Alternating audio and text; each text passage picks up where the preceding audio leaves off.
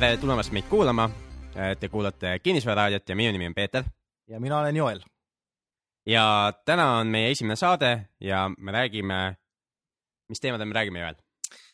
me räägime, et miks üldse investeerida ja kuhu on võimalik investeerida. ja hakkame pihta. aga võib-olla enne, kuna on esimene saade, siis tutvustame ennast, kes me oleme. ah, see on ka hea mõte. et olen Peeter ja kuidas ma selle teemaga seotud olen, kinnisvara ja investeerimine, on läbi sellise raamatu, mida ma kunagi kaks tuhat neli lugesin nagu Rikas ja vaene isa. ja sealt raamatust ma sain üldse teada, et on võimalik investeerida. Joel, kuidas sina pihta alustasid? mina lugesin seda raamatut äh, ka Rikka isa sarjast, ma lugesin seda Cashflow Quadrants raamatut kaks tuhat kuus aasta alguses ja minu lugu on selline, et ma elasin Jaapanis kunagi ja olin lennujaamas ja ei olnud mitte midagi nii-öelda teha, ostsin raamatu. ainuke raamat, mis oli ingliskeelne, oli see raamat. ja tänu sellele raamatule siis olen ka mina nüüd investeeringus, investeerimises ja kinnisvara asjas sees. okei okay., ja eesti keeles on see raamat Rahavoo kvadrant nime all ilmunud juba mõnda aega tagasi. ja mis minust endast edasi sai pärast seda raamatu lugemist, no see, mind hakkas esiteks investeerimise teema huvitama ja tellisin endale Cashflow mängu, mis on üks Robert Kiyosaki toodetest, mis on ka nüüd eesti keeles olemas. ja sealt edasi kinnisvara oli see teema, mis mind nagu kõige-kõige rohkem huvitas. ja oma esimese kinnisvaratehingu ma tegin ka kaks tuhat neli. millal sinu esimene oli? minu esimene kinnisvaratehing oli kohe ma ütlen, see oli kaks tuhat kümme. nii et kuus aastat vahet? jah. okei okay., ja vahepeal on turg hästi palju muutunud ja sellest me kindlasti tulevikus ka räägime. oo oh, jaa. aga vaataks seda suurt pilti, kuhu veel investeerida saab? no nagu mainisime, kinnisvara on üks. ma arvan, et kõikidel meil on mingisugune kogemus kinnisvarast, kas me oleme seda ostnud või oleme üürinud, emba-kumba, eks ole eeldades jah, et kõik elavad kusagil, eks ju. no eeldades jah. on kokku, kokkupuude kinnisvaraga olemas ja huvi selle teema vastu võiks ka olla. jah, ja tegelikult äh, fakt on see, et me ei saa ühtegi päeva elada ilma kokku puutumata sellega, sest igal pool, kuhu me läheme, igal pool, kus me liigume ringi, igal pool on kinnisvara mm. -hmm. aga vaataks seda suuremat pilti ikkagi, et äh, kus me saame veel investeerida? no minu teada me saame nelja erinevasse varagruppi investeerida. ja see on nüüd Kiyosaki järgi jaotus, et jaotuseid saab igasuguseid teha, ma olen kuulnud ka kuuest ja kümnest ja kahekümnest ja mida iganes veel kõik. jah, aga üks võib-olla kõige populaarsem ka Eesti mastaabis on väärtpaberid. väärtpaberitest on hästi palju juttu ja samal ajal mulle meeldib hullult see võrdlus, et kui sa võtaksid nüüd ühe A4 paberi enda ette või veel suurema paberi ja kui sinna pastakaga joonistad ühe punkti, eh, vot see on väärtpaberid ja kogu see ülejäänud leht on tegelikult see tervik, kogu see investeerimismaailm. see on siis meeletult väike, see üks punkt. just nimelt ja samal ajal on sellest ühest punktist on kõige rohkem juttu. et kui te vaatate ka äh, eestikeelset ajalehte Äripäev, eks ju, siis äh, alati on mingi neli-viis lehekülge, iga päev on sellest kirjas. aga huvitav siis, palju Eestis, kui nii-öelda Eestis kõik inimeste raha panna, panna kokku, see summa, kui palju huvitav eestlased investeerivad väärtpaberisse versus siis muudesse varaklassides, sina tead, Peeter? vot ei tea, selle võiks keegi välja uurida ja meile mailiga teele panna. meil on mailiaadress ka olemas, kui te tahate meile tagasisidet anda või, või kirjutada meile häid mõtteid järgmisteks saadeteks, siis meie mailiaadress on saade at kinnisvararaadio.ee ja võite saata meile neid häid, häid mõtteid sellele aadressile. ja tagasisidet ka kindlasti. aga aitäh. nii et äh, väärtpaberid olid üks Mhm. kinnisvara, sellega me alustasime, mis veel? et eh, Kiyosaki järgi on veel kaks varaklassi, üks nendest on oma ettevõte. okei okay., oma ettevõte, ettevõtteid on päris erinevaid, ettevõtteid on ühe mehe firmasid, näiteks nagu taksod mm, -hmm. eks ole. mees ja auto, jah? jah, mees ja auto või lihtsalt mees. ja räägitakse tihti mees ja koer tüüpi ettevõtetest, ma ei tea, miks see koer seal olema peab, aga. ma ei tea, võib-olla turvamees siis. võib-olla tõesti okei okay. aga oma ettevõtte all, mida ta mõtleb, on see, et, et see on ettevõte, mida sina ise kontrollid, kus sinul on kontroll nii tulude, kulude, äh, varade kui kohustuste üle uh. -huh. aga ettevõtlus on ka niimoodi, et äh, ettevõtlus, kui sa teed kõik ise mm, -hmm. siis see on ju tegelikult peaaegu sama nagu töö tegemine. peaaegu. eks ole. suurim vahe tuleb seal maksudest sisse ja maksude teemadest, ma arvan, me ka mõnes tulevases saates räägime. no kindlasti. Okei, aga neljas varaklass on veel, mis see on? kas mitte toorained? just, et Kisaki loeb neljandaks varaklassiks siis tooraineid või, või siis maavarasid. ja see, selles valdkonnas saab nagu väga-väga erinevaid tehinguid teha, aga ütleme Eesti oludes, kui piirduda meie Eesti oludega, siis kõige lihtsam, mis sa teha saad selles varaklassis, on osta endale kulda ja hõbedat. okei okay., aga on ju väga populaarne on ka õli. õli, nafta? jah, nafta kaks natuke erinevat asja okay.. Äh, aga nafta see saab ka muidugi investeerida, aga -hmm. siis Eestis tihti tekib see küsimus, et kuidas ma seda teha saaksin mm. -hmm. Ja... siis see ei ole tegelikult päris nafta, eks ole, see on siis mingisugune elektrooniline nafta. millega tihti tegeletakse, see läheb tegelikult sinna väärtpaberite klassi alla mm. -hmm. Kiyosaki ise on rääkinud seda, et investeerib naftasse küll, aga, aga mitte läbi väärtpaberite, vaid otse. ja mida see, mis tähendab otse, see tähendab seda, et ostab siis konkreetsesse puurauku osaluse et on siis e-, ettevõte, kes pakub äh, äh, seda puurimist ja kõiki muid teenuseid ja korraldab kogu seda asja, aga siis igale sellele ähm, krundile või asjale luuakse siis oma ettevõte ja siis sellesse saab nagu selle osaluse osta ja siis sa saad osa ka otseselt sellest rahavoost, mis sealt tekib. teine võimalus on ise teha puurimisfirma, eks ole. jah. aga selle jaoks peaks olema natuke kogemust E-, Eestis, muidu öeldakse tegelikult, et Eestis ei ole nagu selles valdkonnas midagi teha, aga viimasel ajal ju tegelikult Eesti Energia ja Eesti Põlevkivi ju, ju tegelevad täiesti sellega, et põlevkivist äh, kütuseid toota, nii et, et, et see on Eestis ka täiesti aktuaalne, kuigi ma ei tea, kuidas see äh, väikeinvestorina või üksikinvestorina nagu ligi saada sellele siin Eestis mm -hmm.. okei okay.. Nii et, aga võtame kokku siis, neli varaklassi olid meil äh,? väärtpaberid. kinnisvara. oma ettevõte ja toorained.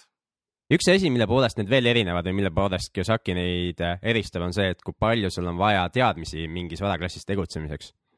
et tegelikult kõige lihtsam, kui sa nagu alustad ja mitte midagi ei tea, siis äh, kõige lihtsam, kus sa alustada saad, ei ole tegelikult väärtpaberid, millest palju räägitakse, vaid on hoopis needsamad toorained, sellepärast et kulla või hõbeda ostmine on sama lihtne kui ükskõik mis muu asja poest ostmine. Ja Eestis on kõige lihtsam seda teostada, minnes Tavidesse, astudes sisse ja, ja, ja küsides, mis on parim hind, mida nad sulle teha saavad. Ja, ja anda raha üle ja saadki vastu oma hõbedamündi või kuldmündi. ma arvan, et me peaksime mainima seda, et David ei ole sponsoreerunud meid, aga kui nad kuulavad seda saadet, siis see on muidugi teretulnud. jah, tervitusi Meelis Odonelile. ja et see on nagu kõige lihtsam, kui, kui tahta alustada investeerimisega. E, ja mis see kuld ja hõbe praegu maksab? kui ausalt öeldes ma ei ole vaadanud, mul endal on küll üht-teist, aga ma igapäevaselt üldse ei vaata seda, sest äh, kuld ja hõbe, vähemalt Kiyosaki järgi, siis on mõeldud äh, kindlustusena. ehk sa kindlustad ennast äh, süsteemi probleemide vastu, kindlustad ennast no ma ei tea, niisama enda likviidsusprobleemide vastu. mis, kui ma ise ostnud, siis ma ostan selle mõttega, et, et ostan ja unustan. ja ja just sellepärast, et äh, kui mul tekivad mingi muu, kusagilt mujalt mingid kahjumid, eks ju, ja oleks äh, vaja neid nagu katta ja vahest tekib niisugune närv sisse, et äh, kurat, jälle pangakonto on nullis äh,, siis mul tuleb meelde, ahah, mul on kusagil turvalises kohas veel mõned hõbe ja mõned kuldmündid mm. -hmm. ja et kui tõesti kõik on nii metsas, et enam kusagilt mujalt ei saa, siis ma lähen ja toon need, need ära ja vahetan uuesti rahaks tagasi. sest see rahaks vahetamine on sama lihtne kui ostmine, et lähed, viid need mindid ära ja saad raha kätte. jah, ja tasub kindlasti kuulata juhtnööre, mida seal antakse poes äh, müntide hoidmise ja käitlemise kohta. Sellepärast, et äh, kuld iseenesest on okei okay,, aga hõbe on selline, et kui sul jäävad sõrmejäljed peale, siis selle väärtus tavaliselt kukub, nii et ettevaatus. kullal tegelikult samamoodi seal need niisama maha ei tule. okei okay, aga..., nagu aru saite, see teema huvitab meid ka natukene, aga aga vaataks teised varaklassid ka üle, et eh, kus natuke rohkem teadmisi läheb vaja, on eh, väärtpaberid ja rohkem siis kui kulla ja hõbeda puhul. Ja väärtpaberid jagunevad ka väga mitmeteks asjadeks, eks ju, kõige rohkem millega müügitööd tehakse ja miks sellest väärtpaberitest nii palju räägitakse, on siis äh, fondid, mis on siis äh, väärtpaberite kogum ja mida keegi siis haldab ja siis ta müüb sellest tükikesi sellest väärtpaberite kogumist sulle ja, ja need on fondi osakud, nende tükikeste nimed. ja fondidega on niimoodi, et fonde on erinevaid ja fondil on alati fondihaldur ja, ja fondihaldur tahab oma töö eest raha saada. just. ja, ja fondihaldureid on väga häid ja on ka selliseid, kelle töö võib-olla ei õnnestu alati nii hästi, aga ühine neil on kõigil see, et kõik oma töö eest võtavad raha. just nimelt ja nii naljakas või huvitav, kui see ka pole, siis tegelikult see on vist ainuke varaklass, kus isegi kui nagu kahjumit teenitakse sulle jooksvalt, siis fondihaldur saab ikka oma tasu. Ja kõige hullemad fondid, mida meie siin teame, on pensionifondid, kus sul ei, eriti see meie teine sammas, eks ju, kus kui minusugune noor inimene investeerib, siis ta tegelikult saab alles neljakümne, neljakümne viie aasta pärast teada, et, et ta on teinud vea ja siis tal nagu ei ole eriti, eriti midagi teha et selles suhtes, et kui ta korrigeerib, eks ju, ja nüüd tahab parema fondi valida, siis ta võib jälle nelikümmend aastat oodata, aga kas ta elu just nii kaua kestab. nelikümmend pluss nelikümmend, see on kokku kaheksakümmend, kui ma õieti arvutasin. aga fondidega nüüd siin hiljuti oli minu arust meedias ka, et äh, mis nagu fondide suund on olnud siin viimase aasta jooksul ja kui ma õieti mäletan, siis fondidest on päris palju raha ära kadunud. jah, et kui ma mäletan aasta alguse poole, siin oli Äripäev koostas vist topi, et Eesti investeerimisfondidest ja kõige paremad kaks tuhat üksteist tulemuste põhjal ja kõige parem fond oli siis ma ei mäleta, kas see oli miinus null koma üks protsenti rahast kaotanud ja ühe aasta jooksul. just nagu ära kaotanud, eks ju. ja see oli kõige parem nendest. see tähendab siis seda, et kui sa paned sinna, ütleme, sada ühikut raha, siis aasta pärast sul on jäänud järgi vähem kui sada ühikut just. raha.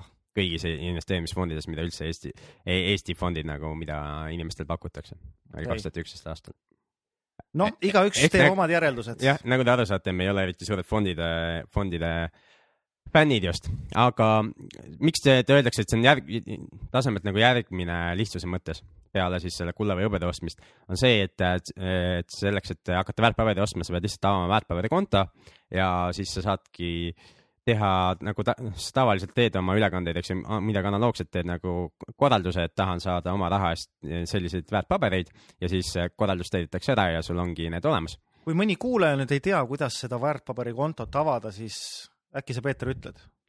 Ah, tegelikult kõige, et mitte siin pikalt rääkida, kõige lihtsam on see, et pöörduge LHV poole ja need poisid on nagu kõige paremini valdavad seda teemat. no LH, LHV on üks pank, aga põhimõtteliselt äh, üldistades siis panga poole ja pank aitab. just, aga miks, miks ma ütlesin LHV, LHV samamoodi ei toeta meid mm., aga LHV on ainuke pank Eestis, kes on nagu tegelikult ka ütleme niimoodi panustanud ja fokusseerinud sellele, et sinule seda väärtpaberi investeerimist lihtsamaks teha et äh, teistel pankadel on ikkagi see turuinfo saamine, kõik on viivitustega oluliselt rohkem kui RHV-l, et äh, kui sa RHV klient oled, siis sa saad paremini infole ligi ja nad on, on oma veebis, veebiliideses näinud nagu rohkem vaeva kui teised. see oli siis fondid, aga nüüd, kui mõni inimene on aktsiatega juba natukene rohkem kursis ja ta ei taha fondihaldurile raha maksta, siis on ju võimalik ka aktsiatesse otse investeerida. ikka jah ja siis jäävad need fondihalduri tasud sulle endale, eks ole? Äh, põhimõtteliselt küll jah, äh, teenustasud jäävad ikka alles, eks ju, et äh, mi, mi, kui minna LHV seminaridele ka, siis nagu päeva, päeva lõpuks äh, saad ikkagi aru, et eriti hea oleks see, kui sa otsustaksid kaubelda ja pidevalt nii-öelda uuesti tasakaalustada oma portfelli ja, ja mida iganes muud teha, peaasi, et võimalikult palju tehinguid saaks. ja iga tehingu pealt teenib pank raha. just, ja see on see huvi seal nüüd järgmine asi, milleks on rohkem teadmisi vaja, on siis kinnisvara. ja kinnisvara äh, tehingud toimuvad aeglasemalt äh,, mis on nii pluss kui miinus. miks, mis sa arvad, miks see hea on, et kinnisvaratehingud aeglasemalt kui väärtpaberite omad toimuvad? no kui me nüüd plussidest mõtleme, siis äh, kui me siin mäletame, paar aastat tagasi oli suur krahh, oli nii-öelda masu mm. -hmm.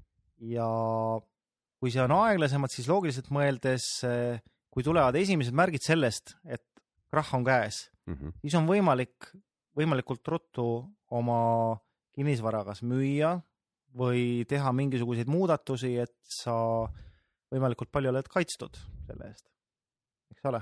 just nimelt ja see ongi suurem erinevus ka, sest väärtpaberite puhul on enamasti nii, et äh, kui midagi on toimunud äh, ja kui sa just ei, igapäevaselt ja jooksvalt ei jälgi seda ja ma olen ise kunagi mingi periood seda teinud, aga siin mul viskas tõesti arvuti ees istumisest nagu üle. et äh, kui sa igapäevaselt ei jälgi seda, siis sa saad kõikidest asjadest nagu tagantjärgi teada ja kõik on juba toimunud selleks ajaks, kui sina nendest kuuled.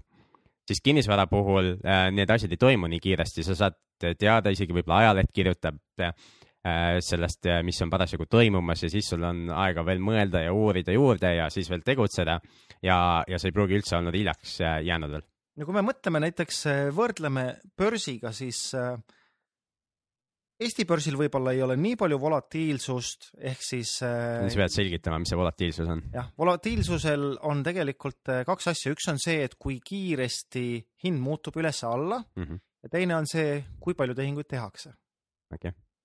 aga nüüd, kui me mõtleme, et äh, börsil võivad toimuda muutused hästi kiiresti, mõndadel aktsiatel hinnad võivad muutuda kümnetes protsentides ühe tööpäeva jooksul või isegi mõne tunni jooksul. just. aga kinnisvara hind sul tõenäoliselt nii kiiresti ei muutu.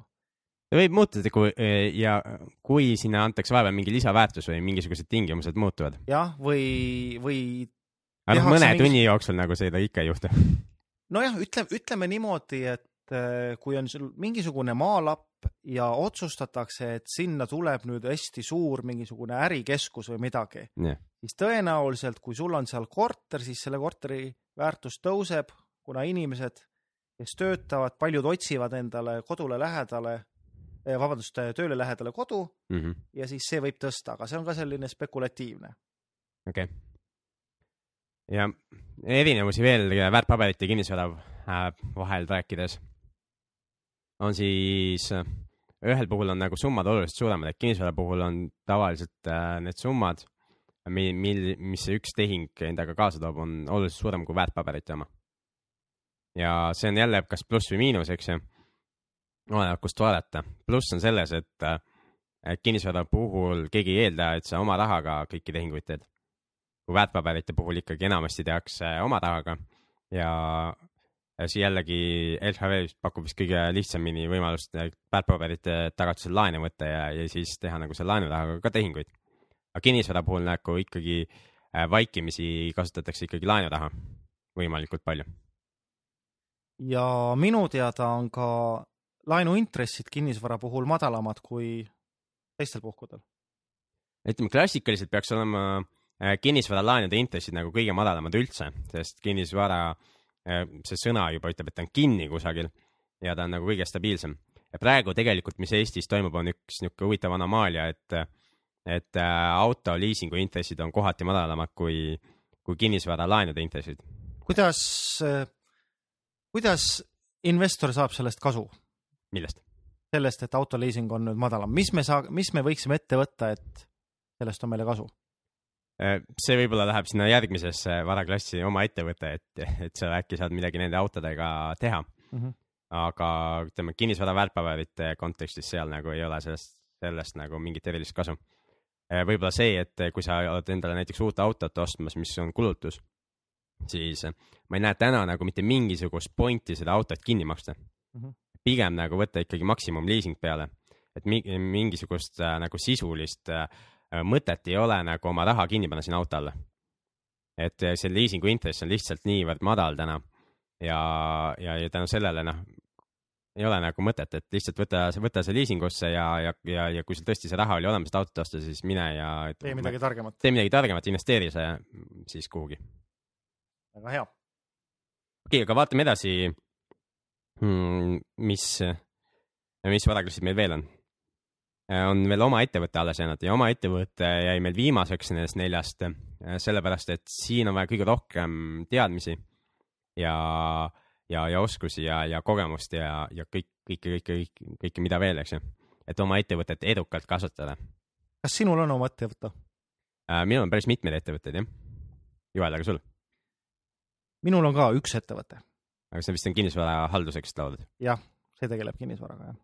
Et kõiki neid nelja varaklassi saab kombineerida omavahel ja ongi mõistlik kombineerida. aga minu ettevõtted, millega on tegelenud, et siin võib-olla võikski lühidalt nagu niisugust sissejuhatust äh, või, või niisugust tausta rääkida. et esimese niisuguse ettevõtmisega ma alustasin viieteistaastaselt ja mina olin viisteist ja mul oli sõber, kes oli kolmteist. ja siis me hakkasime pakkuma virtuaalserveri teenust. Ja mis asi see veel on, see on siis kodulehe majutus, et kõik kodulehed, kus sa käid, need on kusagil kellegi arvutis. ja siis meil tekkis mõte, et, et miks neid kodulehed ei võiks olla meie arvutis ja siis me küsisime ettevõtetelt selle eest raha ja see oli siis, see oli meie esimene äri, alguses me tegime seda ühe teise ettevõtte alt nagu, kelle nimel me esitasime siis arveid ja nii edasi. kas tähendab seda, et viieteistaastane ja kolmeteistaastane inimene Eestis võivad olla juba ettevõtte omanikud?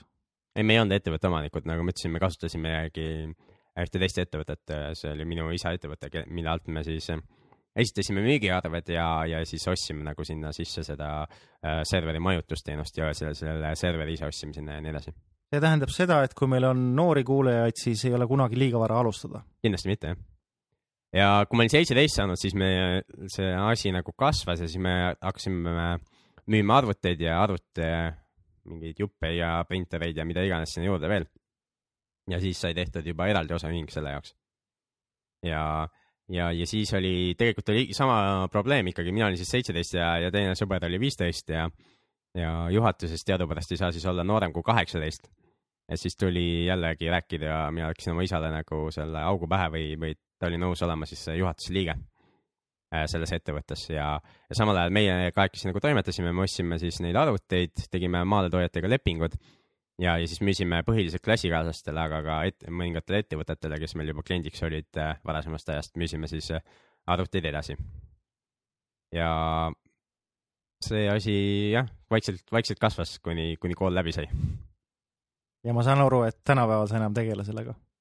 Täna ma ei tegele jah, et kui vahest, kui mul endal on vaja midagi osta, siis äh, ma saan, on maaletoojatega endiselt need lepingud kehtivad ja, ja saan selle allahindluse sealt. aga need, ütleme need kasumimarginaalid ehk see, palju ettevõttele endale jääb, siis need nagu langesid selles valdkonnas nii tohutult, et see ei olnud nagu eriti mõttekas äh, tegevusala enam. nagu näha ka on olnud viimaste aastate jooksul, siis äh, elektroonikat müüvad poed alates Entergate'ist ja, ja nii edasi on kas pankrotistunud või oma uksed kinni pannud. Ja just sellepärast, et seal ei ole seda suurt kasumit enam. aga räägi, kuidas kinnisvara sinu ellu tuli? et ja nagu ma saate alguses juba ütlesin, et siis kaks tuhat neli, eks ju, ma sain teada, et üldse on võimalik äh, investeerida. sinnamaani ikkagi kõik raha, mis sisse tuli, leidis nagu muud väljundit mis see tähendab? oh, et see kooli ajal sai päris kõvasti pidu pandud ja igasugu muid äh, lollusi tehtud ja, ja, ja, ja mitte päris poolt Eestimaad, aga siin taksoga sai ringi sõidetud, kui oli vaja minna kellegi suvilasse ja nii edasi. et kui, kui seda raha jälle, jälle tekkis kusagilt. Äh, ja ka investeerimine kaks tuhat neli siis mm, kinnisvarasse hakkas pihta jah, pärast Äh, ühel koolitusel käimist, et üks asi, mida ma lugesin siis Kiyosaki raamatutest, oli see, et ennem kui sa investeerid, et enne õpi selle kohta. Ja siis ma otsisin koolitusi, et kus saaks nagu kinnisvara kohta rohkem õppida. ja tol hetkel ma leidsin Eestist nagu ainult ühe koolituse. ja ega neid täna väga palju rohkem ei ole mõned, mõned on üks see, mida me ise korraldame, on, on juurde tulnud veel ja ja, ja siis on olemas veel üks ettevõte, kes korraldab. sa mainisid, me ise korraldame, kes, kes on see me? ehk siis mi-, mina, eh, minu eestvedamisel toimub siis kaks korda aastas sihuke kolmepäevane kinnisvarakoolitus, järgmine on mai alguses. ja Joel on ka seal üks esinejatest ja, ja räägib seal. mis teemal sa räägid, ma ei teagi. ma arvan, et eh, mitte ma ei arva, vaid ma olen kindel. Eh, mais teema, mille mina lahti seletan, on see, et kuidas saab kinnisvarasse investeerida siis, kui sul endal raha ei ole okay.. ehk siis teiste inimeste raha kaasamine mm. -hmm. Ja tol ajal, kaks tuhat neli oli ainuke koht, mis ma leidsin, oli Haabersti äh, maja oli niisugune kinnisvaraettevõte, ma ei tea, kas see üldse täna veel alles on. Äh, oli neil kinnisvarakool ja siis neil oli niisugune kuuajaline maaklerite koolitus. ja selles suhtes ta oli, oli hea koolitus, et et ma sain nagu selle õigusruumist aru, mis toimub, perekonnaõigus, võlaõigusseadus ja, ja kõik muud niisugused asjad.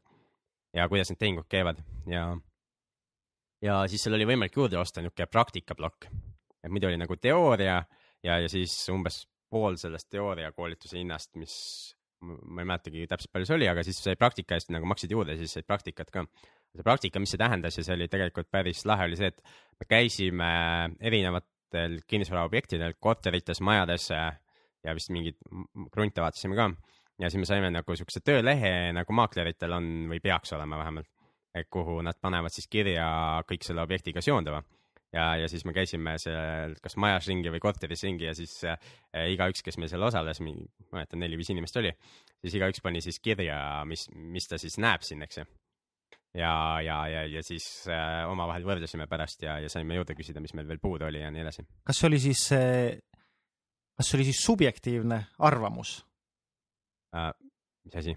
Sa mainisid, igaüks pani kirja, mida ta näeb seal. jah, no see seisukord näiteks on küll subjektiivne arvamus jah, Mhm. kas on kapitaalremonti vaja või on sanitaarremonti vaja või on täiesti korras, eks ju, see on vaataja silmades suures osas. aga täpselt nii ja tegelikult on ju kinnisvara hind on ju ka tegelikult vaataja silmades. loomulikult jah. aga see oli jah, see, mida koolitus, mida ma tol ajal läbisin, midagi analoogset praegu teeb eh, Tõnu Toompark ja, ja Kinnisvarakool osaühing. Et kui ke- kedagi teist huvitab, tahate niisugust koolitust, kus saab seadusandlusest niisuguse hea ülevaate, siis eh, minge www.kinnisvarakool.ee ja jällegi äh, Tõnu ei maksa meile mitte midagi sellest, et me siin selles, sellest teemast äh, lobiseme jah, nii on. ja, ja siis pärast seda ma tegin oma esimese kinnisvaratehingu, kaks tuhat neli sügis pärast seda, kui ma olin selle koolituse läbinud. ja ma hakkasin seda tehingut tegelikult pihta sellest, et mul oli üürnik olemas.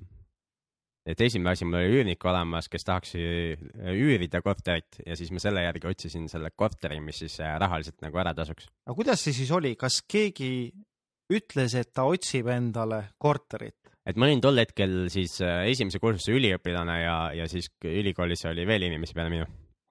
ja, ja siis äh, üks äh,, ma ei tea, ühe kursusega või, või oli juttu või võib-olla teistega ka, aga üks kursus oli see, kes ütles, et ta otsib seda korterit. ja, ja siis ta otsis veel seal neid teisi, kellega koos üürida. siis ta leidis need ka, kes, kellega koos üürida, aga siis neil oli ikka korter puudu. ja siis ma leppisin nendega kokku, et ma ostan nüüd selle korteri kähku. ehk siis sina nägid probleemi, kellelgi oli probleem, ehk probleemiks oli see, et neil ei olnud korterit. no elukoht ei olnud jah, jah, ja sina otsustasid probleemi lahendada. just täpselt. jah, ja sinu motivatsioon probleemi lahendada oli see, et sina saad sellest mingist kasu just, ja sinule oli see nii-öelda rahaline kasu ja neil oli kasu see, et nendel on kodu. tol hetkel mind tegelikult kõige rohkem huvitas see, et äh, lihtsalt see tehing läbi teha. et ma olin selle kohta lugenud, ma olin selle Cashflow lauamängus seda mänginud mõned kuud ja ma tahtsin teada, kuidas see päriselus käib. ma olen piisavalt äh, kuulnud igasugu jutte ja inimesi, kes ütlevad, et on hullult keeruline, hullult raske või et see on niisugune Ameerika värk ja seda siin ei saa teha.